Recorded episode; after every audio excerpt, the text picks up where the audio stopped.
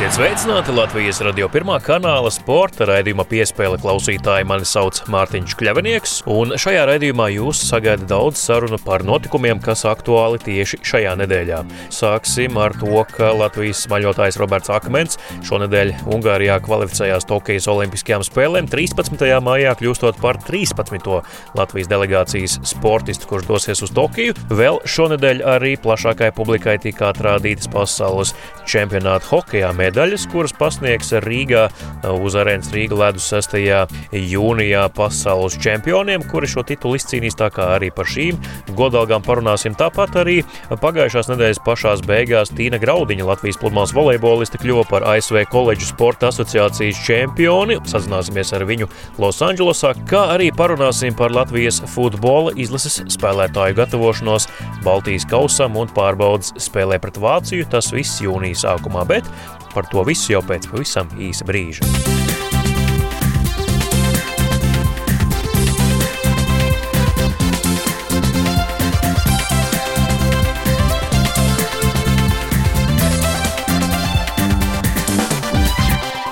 Studijā Mārtiņš Kļavinieks un sāksim ar Tokijas Olimpiskajām spēlēm, kas straujiem soļiem tuvojas. Atklāšanas ceremonija jau 23. jūlijā, taču Latvijas delegācijā pagaidām ir tikai 13 sportistu, un līdz šim pēdējais, kurš kvalificējies Olimpiādē, ir smaļotājs Roberts Akmens. Viņam tā būs pirmā olimpiāde par emocijām, kas viņu pārņēma pēc olimpiskās ceļzīmes iegūšanas turpinājumā smaļotājs Roberts Akmens pēc pāris dienām es uh, vēl vairāk to sapratīšu. Tas man nesanāca izdarīt. Tāda jocīga sajūta šobrīd vēl.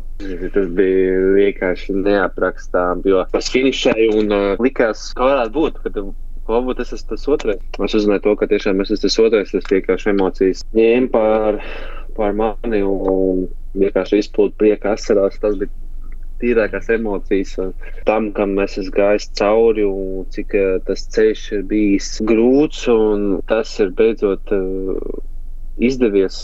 Tā ir neaprakstām sajūta. Visam, kam es gāju cauri, tas bija tā vērts, un visiem tiem grūtajiem treniņiem, un tas smagais darbs, kas tika izdarīts, un tas viss vienkārši atmaksājās. Man, man patīk ūdens, man patīk šeit ērēt.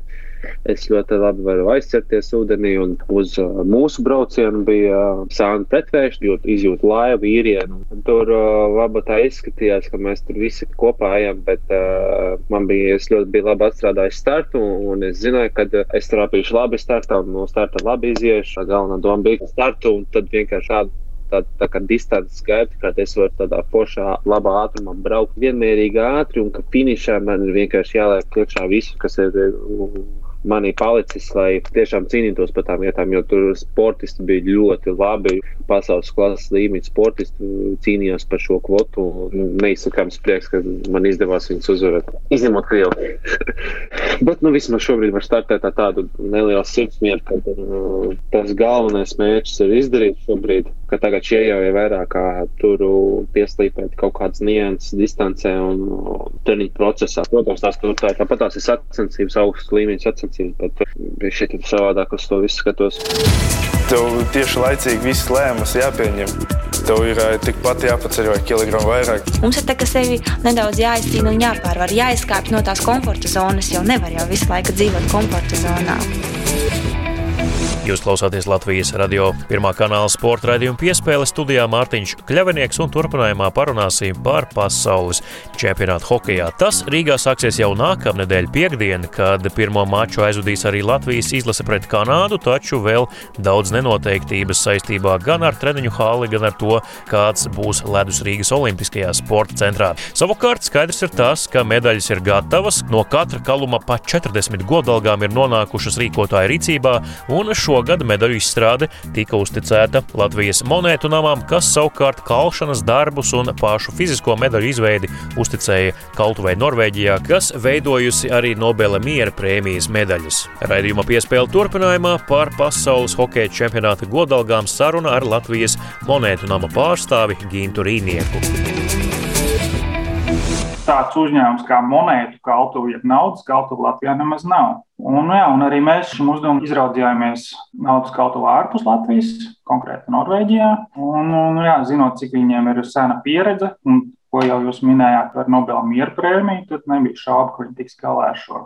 Mēs, protams, ar savu uzņēmumu specifiku esam vairāk pieraduši radīt medaļas un monētas, kas ir veltītas kādam notikumam vai kādai personai, vai, un, un tam ir eh, jābūt ar emocionālu stāstu un tādu dziļāku segumu. Tomēr šajā situācijā ar tik ierobežotu laiku, idejas un dizaina izstrādē, ka mēs nu, neuzņēmāmies radīt kādu īpašu, vēl plašāku stāstu. Nu, samērā konservatīvs risinājums ar jau esošo čempionāta logotipu tematiku kurš tika tad eh, attiecīgi pielāgots medaļas apaļam dizainam. Organizatori jau uzreiz pateica, ka grib klasisko apaļo medaļu. Jā, to nosaka reglaments. Startautiskās hokeja federācijas medaļai jābūt apaļai. Ir noteikts arī svāra amplitūda un diametra amplitūda. Reversa vizuālais risinājums un teksts arī ir, ir samērā reglamentēts, un tur nav daudz vietas interpretācijām. Varam jau būvēt sapņu pilis un iestrādāt koku akmeni un, un dažādas geometriskas formas, bet kā jau viss saistībā ar šo čempionātu, viss bija jādara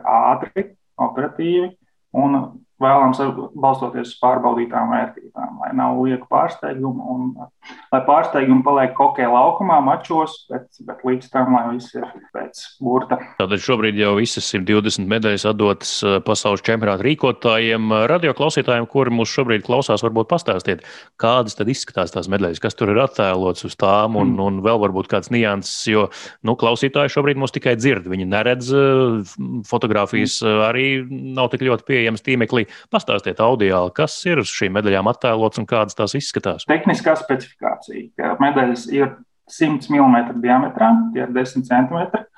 Un tas ir arī samērā smagas. Svars ir medaļai virs 420 gramiem. Tas ir iedomājieties, gan arī puskilograms būs, būs kaklā. Jā, un tās lēnta ir sarkana balta sarkanā krāsā. Pašas medaļas centrā attēlots vertikāls taisnstūra veida ornaments, kura centrā ir hokeja spēlētājs siluets. Šis taisnstūra ornaments, kurš ir no oficiālā hokeja čempionāta logotipa, viņš ir stilistiski iešūīgāts kā hokeja laukums ar, ar uh, hokeja slidām. Šīs stilistiskās slidu pēdas ir turpināts visas medaļas garumā, uz, nu, kā šķautnes, kas izriet no, no centrālā logotipa.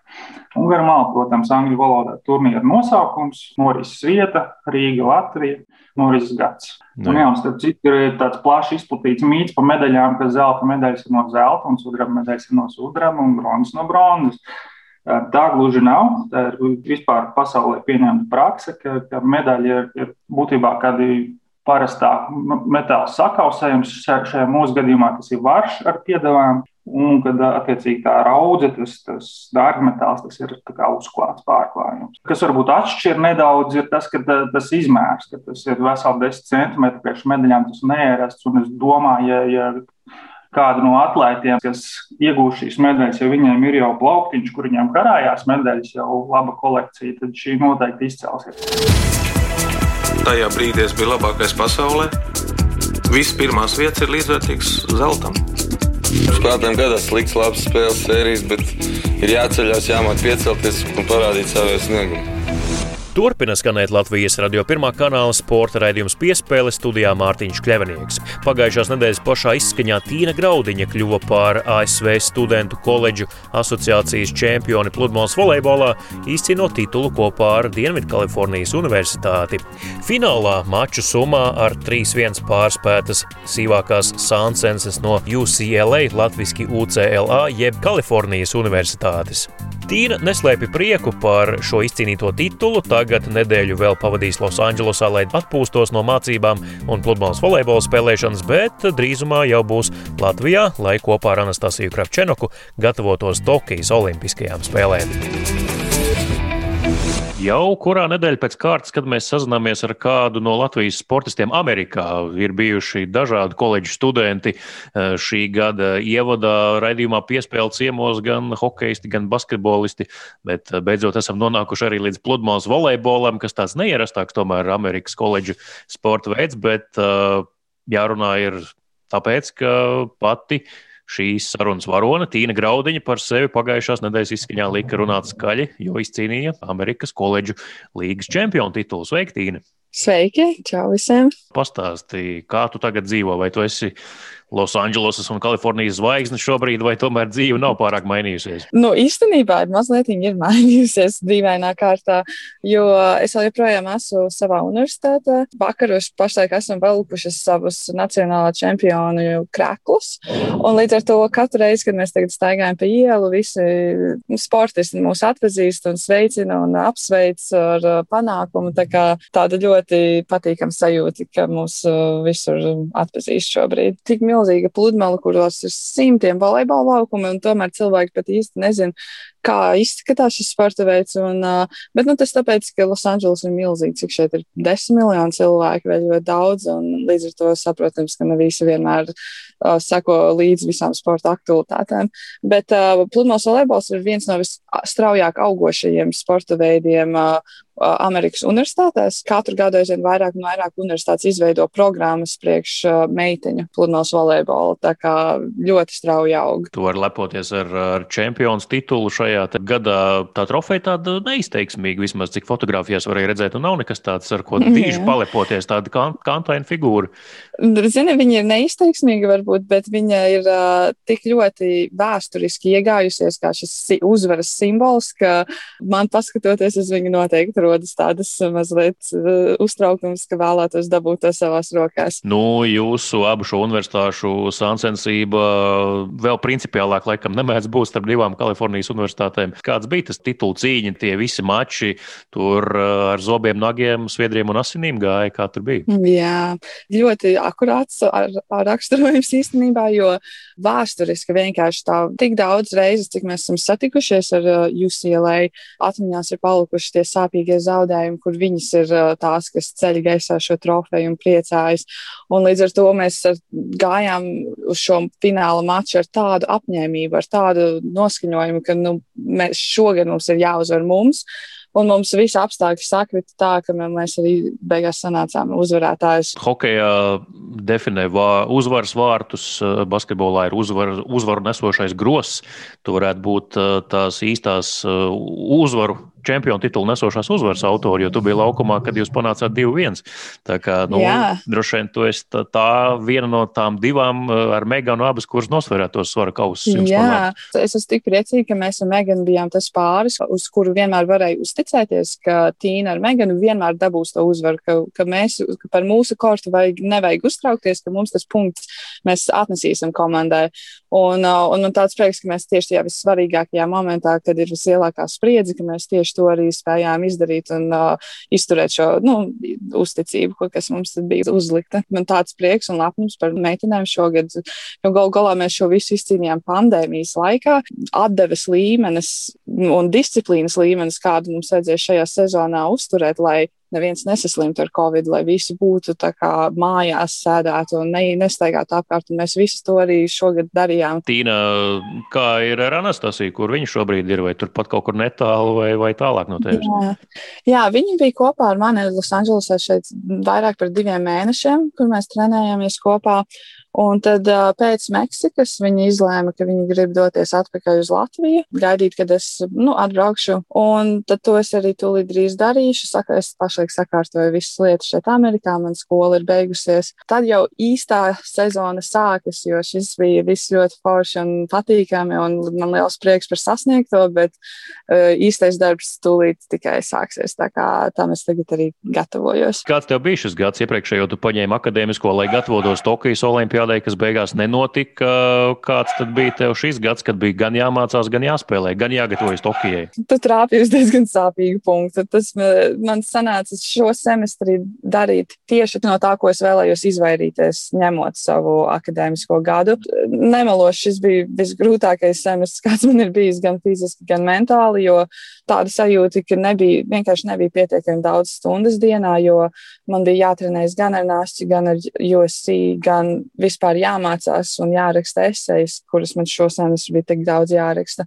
No, tad, kad es par visu domāju kopā vienā reizē, tad gandrīz vai nācās, nu, tā kā raudiens nāca virsū pašai sev žēl palika, bet, bet kaut kā darot vienu lietu pa reizei un tā kā stundu pēc stundai ejot, tas viss sanāca kopā un vienkārši vajadzēja būt labai disciplīnai, visu, visu kārtīgi, laicīgi darīt. Un šo semestru esmu nolikusi, nu, sekmīgi visas atzīmes. Tagad es esmu paņēmusi nedēļu brīvu, pirms es dodos atpakaļ uz Latviju. Tā kā šis man arī noteikti palīdzēs, un uh, es būšu gatava pilnīgi uz simt procentiem trenēties ar nāšķi. Kāds ir gatavošanās plāns? Tu aizbrauc pēc nedēļas uz Latviju. Kas tālāk? Tālāk mēs dosimies pirms Tokijas. Mums būs jānospēlē trīs sacensībās, kas ir īstenībā diezgan maz salīdzinoši ar citiem gadiem. Līdz ar to sanāks diezgan liels periods ar vienkārši treniņiem un gatavošanos Latvijā. Mēs nemēģināsim darīt kaut ko citādāku, jo galu galā būs jādara tas pats, ko mēs vienmēr esam darījuši, ko mēs zinām, kas strādās. Kā ar treneru sastāvu? Treneris tev no Amerikas lidos līdzi, vai, vai kā, Jā. kāda situācija? Hmm? Jā, mūsu treneris Gustavo būs, uh, viņš ir man universitātē treneris, bet uh, federācijas meklējumos pēc jauna trenera viņš pieteicās un mēs izvēlējāmies viņu kā mūsu jauno treneri. Un, jā, viņš dosies uz, kopā mums uz Latviju un visām sacensībām līdz Tokijai. Tokija ir jūsu abu šīs sezonas galvenais starts. Kā tu izmanto šo nedēļu, kā tu atpūtini prātu no volejbola, no mācībām, staigā pa pludmali Losandželosā? Pirmkārt, visi mani klases biedri un draugi uh, absolvē pirmdienu no universitātes, un uh, es, es vēlos ar katru no viņiem satikties, pirms viņi dodas katrs savā gaitā, jo es droši vien viņus satikšu droši vien tikai pēc ļoti, ļoti ilga laika. Tas ir diezgan daudz laika aizņem. Tad arī ir ar treneriem, ir visi, visi kaut kādas semestra noslēguma sarunas un uh, sapulces, kurās mums vajag izanalizēt uh, paveikto darbu un skats uz nākotni. Un tad arī tīri vienkārši praktiskas lietas, kā man jāsakārto dzīvoklis un jāsaliek visas mantas koferī, jāsaprot, ka, ko ņemt līdzi, kas paliek, jāatrod vieta, kur visu noglabāt pa vasaru. Jā, tā kā viss, viss tas aizņem laiku. Tīna Graudiņa, Latvijas viena no labākajām pludmales volejbolistēm, sarunā ar Latvijas radiosporta radījumu piespēli. Tīna ir izcīnījusi Amerikas koledžu asociācijas čempionu titulu pagājušā nedēļā, joprojām lepo lepojamies, Tīna, ar tevi. Paldies, ka sagādāja emocijas arī Latvijā un, protams, arī, arī savus universitātes faniem šādi. Nu, ko tev novēlēt ceļā uz Tokiju, lai viss norit gludi un droši vien, lai jums tur labi veicas? Tas tā tagad vispārīgi novēlams droši vien šobrīd. Jā, liels paldies. Un paldies visiem, kur arī skatījās pat no Latvijas un sekoja līdzi maniem Amerikas gaitām. Jo nu, tas tomēr ir diezgan tālu. Un tas, ka Latvija arī interesē, kā man sokas šeit, Amerikā, nu, tas ļoti liels paldies visiem. Tas ir ļoti pašsaprotami, ka Latvijas sauc, tad tur nav variantu. Tu vienmēr saki, ka jā. Es cenšos ar katru spēli palikt labāks, katru spēli augt. Tad, kad jau ir uh, sezonas beigas un, un starpsezona, tad tu vari palikt vēl labāks spēlētājs. Skan raidījums piespēle studijā Mārtiņš Kļavinieks, un raidījuma turpinājumā runāsim par sporta karali futbolu. Latvijas futbola izlase jau drīzumā uzsāks gatavošanos Baltijas kausam, kurā pirmā spēle jau 4. jūnijā pret Lietuvu savās mājās Daugavas stadionā. Kā Latvijas izlase gatavojas šim triju spēļu nogrieznim, kā arī par jau aizvadītajām trim spēlēm pasaules kausa kvalifikācijā saruna ar Latvijas futbola izlases galveno treneri Daini Kazakeviču. Sveiks, Daini! Sveiki! Sveiki, Mārtiņ! Daini, nu tad sveicu tevi aizgājušajā dzimšanas dienā. Gan jau vairāk nekā mēnesis ir pagājis, bet vai tā bija labākā dāvana, kādu tu jebkad esi saņēmis līdz šim savās dzimšanas dienās? Parasti saka tā, ka kopumā diezgan daudzi sporta cilvēki ir arī mājticīgi, un vēl arī vīrietim 40 gadu slieksnis ir tāds, ko bieži vien nesvin. Es teikšu tā, ka, protams, tā bija lieliska dāvana man, bet laikam tas nav pats svarīgākais. Svarīgākais šajā ziņā ir tas, ka komanda tiešām komanda izdevās nodemonstrēt spēlē pret Turciju tiešām kvalitatīvu sniegumu. Un, Iespējams, mēs mazliet uh, spējām, varbūt tikai mazliet, bet tomēr spējām atalgot tos mūsu uzticamos līdzjutējus, kuri sekoja līdzi mums, atbalstīja mūs, citreiz varbūt arī kritizēja mūs arī tajā rudens posmā ar pietiekami tādu saturīgu sniegumu un uh, emocionāli bagātu spēli ar labu gala rezultātu. Pirmās trīs pasaules kausa kvalifikācijas cikla spēles aizvadītas marta beigās Latvijas izlases izpildījumā. Uzvaru gan nav, bet divi cienīgi zaudējumi pirmajās divās spēlēs un neizšķirts pret Turciju, tas jau vien tā sajūta tiešām bija, kāpēc uzvaras, turklāt atspēlējoties divreiz no divu vārdu deficīta. Tāds bija plāns caur Nāciju līgu iepazīt komandu, un tagad tā pa īstam jau mēģināt rādīt to, ko tu vari viņiem iedot, un to viņiem arī demonstrēt laukumā. Kāds, vai tas sakrit ar to, kā tu to biji iedomājies, kad tu stājies pie šīs komandas stūres? Nu, protams, ka nē, plāns bija mazliet savādāks, jo tad, kad es janvārī stājos pie stūres, neviens nerunāja neko par Covid, un mūsu plānā bija vēl Marta nometne un Baltijas kausa jūnijā, un ideja, ka mēs uz septembru uz Nāciju līgu jau pieiesim šīm spēlēm, jau kā organizēta komanda, jo tomēr gan sastāvā bija diezgan daudz izmaiņas, gan es ar savu treneru štābu ieviest diezgan daudz gan spēles stilistikā izmaiņas, gan arī tādās eh, komandas vērtībās diezgan daudz izmaiņas. Un, protams, tas prasīja laiku. Un, Objektīvā situācija izveidojās tāda, lai arī mēs paši komandas iekšienē bez šaubām izvirzījām visaugstākos mērķus Nāciju līgā. Faktiski pirms pirmās spēles ar Andoru mums bija viens treniņš, kurā mēs varējām vispār kopā iepazīties uz laukumu. Tas savu ietekmi atstāja. Un, um, teiksim, um, Nācija līgas spēlēs nevienmēr mums savus spēles pārsvaru izdevās realizēt pozitīvā rezultātā. Un tur gāja kā pa kalniem, bet skaidrs, ka arī snieguma ziņā ar katru nākamo nometni komandas sniegums kļūst saturīgāks. Tāpat laikā jāsaka, ka tas plāns bez šaubām bija tāds nāciju līgu, ņemot vērā, ka tur mēs spēlējam ar līdzvērtīgām vai mazliet vājākām par mums komandām, izmantot kā teiksim, to placdarmu tādās spēlēs uz rezultātu, lai realizētu kaut kādas savas idejas. Un, manuprāt, bija ļoti būtiski, neskatoties uz diezgan lielo arī sabiedrības spiedienu, mums neatkāpties no tām idejām. Viennozīmīgi šīs rudens spēles ielika pamatu komandai un pamatu tam, lai mēs varētu jau demonstrēt daudz konkurētspējīgāku sniegumu nekā tas bija iespējams iepriekšējā Eiropas čempionāta kvalifikācijas turnīrā ar līdzvērtīgu apmēram pretinieku līmeni. Tu jau pieminēji terminu sabiedrības spiediens. Kā tu pats to šajā īpaši nāciju līgas laikā izjūti? Nu, skaidrs, pēcspēles preses konferences, kur žurnālisti uz, uzdod kritiskus jautājumus. Varbūt, es nezinu, ieskaties, neieskaties Twitterī, bet tā jau ir tāda ļoti maza sabiedrības daļa un nav gluži reprezentatīva. Bet kā tu to īsto spiedienu izjūti? Nu, es teikšu, tā pirmām kārtām, laikam, neskatoties uz to, ka eh, es eh, visam nesen strādāju tikai ar izlasi, skaidrs, ka es esmu pietiekami ilgi jau treneru profesijā. Es uz daudzām lietām cenšos skatīties ļoti racionāli.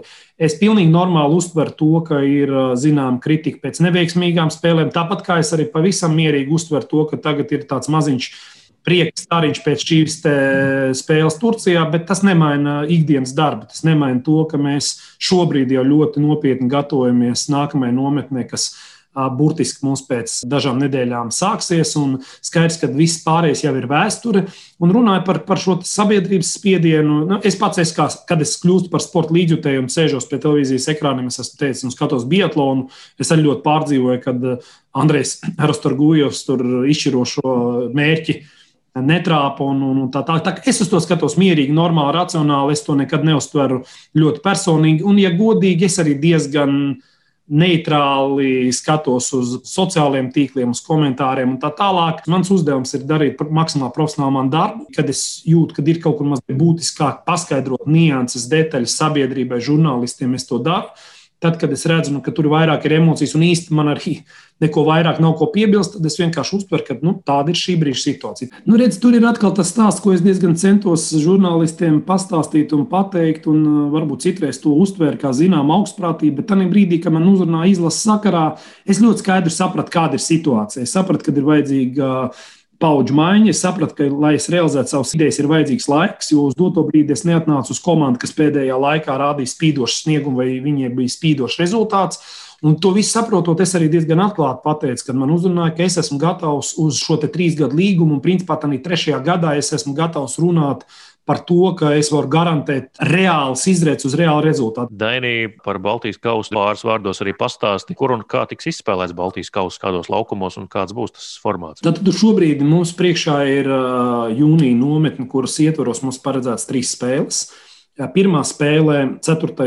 jūnijā, mēs Latvijā, Daugavas stadionā uzsākam Baltijas kausa spēli pret Lietuvu. Pēc tam 7. jūnijā mums ir ļoti liela, nozīmīga pārbaudas spēle Vācijā pret uh, Vācijas nacionālo izlasi, kur gatavojas Eiropas čempionāta fināla turnīram. Un pēc tam jau 10. jūnijā Tallinā mums ir pēdējā noslēdzošā Baltijas kausa spēle ar Igauniju. Tāds ir šis Baltijas kausa spēļu plāns. Cik šobrīd tu redzi tā Vācijas spēle? Tā droši vien atņems emocijas, tāpat arī spēkus.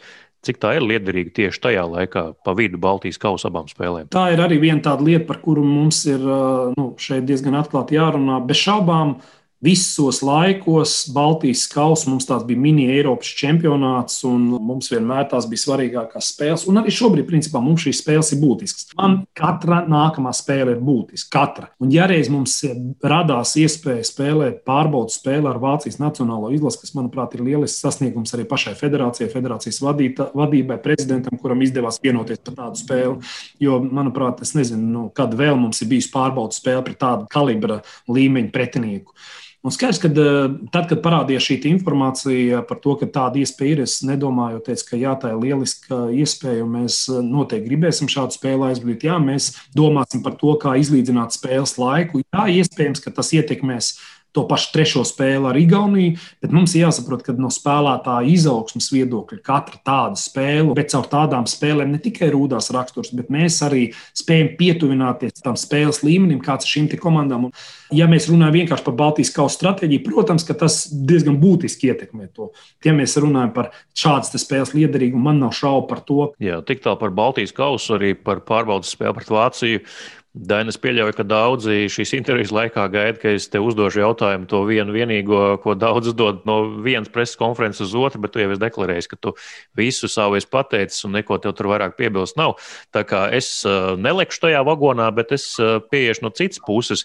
Es atceros, tad, kad Kaspars Gorkšs vēl bija um, Latvijas Futbola Federācijas prezidents, viņš teica, ka viņi ar Slavišu Stojanoviču toreizējo izlases galveno treneru izstrādājuši tādu iekšējo izlases kodeksu, kam ir jāatbilst arī ārpus laukuma spēlēt spēlētājiem, lai viņš tiktu vispār uzaicināts uz izlasi un varbūt pat kvalificētos tam, ka viņš ir arī pilnvērtīgs izlases spēlētājs. Kaut kāds iekšējs kodeks šobrīd uzvedībā, ģērbšanās stilā, visādā citādā eksistē izlasē vispār. Nu tā, kā tev ir sevi jānes ārpus laukuma? Pirmkārt, es gribētu runāt par vērtībām. Ir būtiski, lai spēlētājs atbilstu vērtībām, kas ir nepieciešama nacionālajā izlasē. Tas ir gan cieņas jautājums, tas ir attieksmes jautājums, tas ir pašadevas jautājums. Manuprāt, tas ir tas, ko mēs cenšamies šobrīd arī parādīt uz laukuma. Visās šajās spēlēs, arī spēlēs, kur mums neizdodas panākt vajadzīgo rezultātu, diez vai kāds var pārmest pašadevas trūkumu šobrīd komandai, vēlmi un tā tālāk. Lai gan kaut kādā laika periodā bija ar to problēmu. Skaidrs, ka ir konkrēti noteikumi komandā, ko drīkst un ko nedrīkst. Tā mana pieeja tāda, ir jāiedod rāmis, viņam jābūt skaidri saprotamam. Bet rāmja ietvaros tā nav tāda armijas disciplīna, vai tie nav kaut kādi hieroglifi, kas ir uz sienas uzrakstīti. Un, un šī rāmja ietvaros būtiski, lai būtu pozitīva vide, lai vide būtu pietiekami radoša, kur spēlētājs sev varētu apliecināt, bet lai tas rāmis būtu pilnīgi skaidrs. Un par to katru dienu nav jārunā, un kad droši vien tu mēģināji no citas puses, bet es arī atbildēšu šo jautājumu, man tur nav nekāda noslēpuma. Vēlreiz es gribu pateikt, ka Arthūra Karšauskas gadījumā viņš ir pietiekami kvalificēts futbolists, viņš rāda pietiekami labu sniegumu, mēs sekošam tam sniegumam līdzi un nav. No manas puses man uzdeva arī žurnālisti jautājumu pirmspēles intervijā par to, nu, vai manā laikā vispār nav izredzes, ka Arthurs būs izlasē. Nu, tas ir muļķības, nu nav tāda saruna. Skaidrs ir viens, uz doto brīdi ir vairākas nianses viņas spēlē, kuras arī ir futbolistiskas. Nav runa par uzvedību tikai, vai par ko var runāt. Es šobrīd viņu vēroju, viņš normāli uzvedās, normāli spēlē, bet ir savs nianses, kad kāds spēlētājs der vai neder. Šobrīd Vēl nav pienācis tas laiks, kad es redzu, ka Arthurs mums varētu noderēt šī brīža spēles modelim. Tas arī viss. Tur nav nekāda zemūdens akmeņa, un vēl jau vairāk tas nav nekādā veidā saistīts ar to, kas bija U21 izlasē, kad Arturam bija stipri mazāk gadu un dzīves situācijas cilvēkiem gadās. Tur nav zemteksta, un es saprotu, ka žurnālistiem gribās to zemtekstu atrast. Nav, jo ja man nebūtu nekāda problēma. Ja es gribētu uh, vai ja es uzskatītu kaut ko citādi, es arī to pateiktu. Man ar to absolūti nav nekāda problēma to pateikt. Šobrīd tas tādi ir tādi, ka mēs ne tikai Arturam, bet ir vēl vairāk futbolisti sekojam līdzi. Mēs ik pa laikam kādā no nometnēm kādu pamēģinām. Tagad, pieņemsim, mēs Aleksandru Solovu jau izsaucām pirmo reizi, skatījāmies, kas un kā. Šajā ziņā tas tuvākās nometnes fonds šobrīd rada rada šobrīd zināmas bažas, jo mums ir diezgan plašs spēlētāju lokus, kuri ir zem, zem jautājuma tieši veselības stāvokļa dēļ. Nu, tad vēlam viņiem visiem veselību. Dainis Kazakevičs, Latvijas futbola izlases galvenais treneris, sarunāja Latvijas radio pirmā kanāla sporta radījumu piespēli. Daini, paldies, ka atsaucāties šai sarunai. Paldies, ka neslēpāties aiz standartfrāzēm, bet arī atklājāt kārtas pilnībā un, un pastāstījāt radio klausītājiem to, kā ir.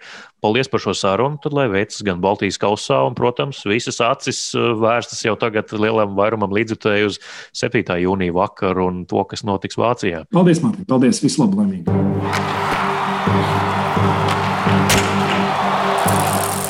Līdz ar to arī izskan šīs nedēļas sporta raidījums piespēle. To veidoju un vadīju es, Mārtiņš Kļavinieks, bet pār labskaņu, kā vienmēr parūpējās Nora Mītspapa uz sadzirdēšanos jau pēc nedēļas.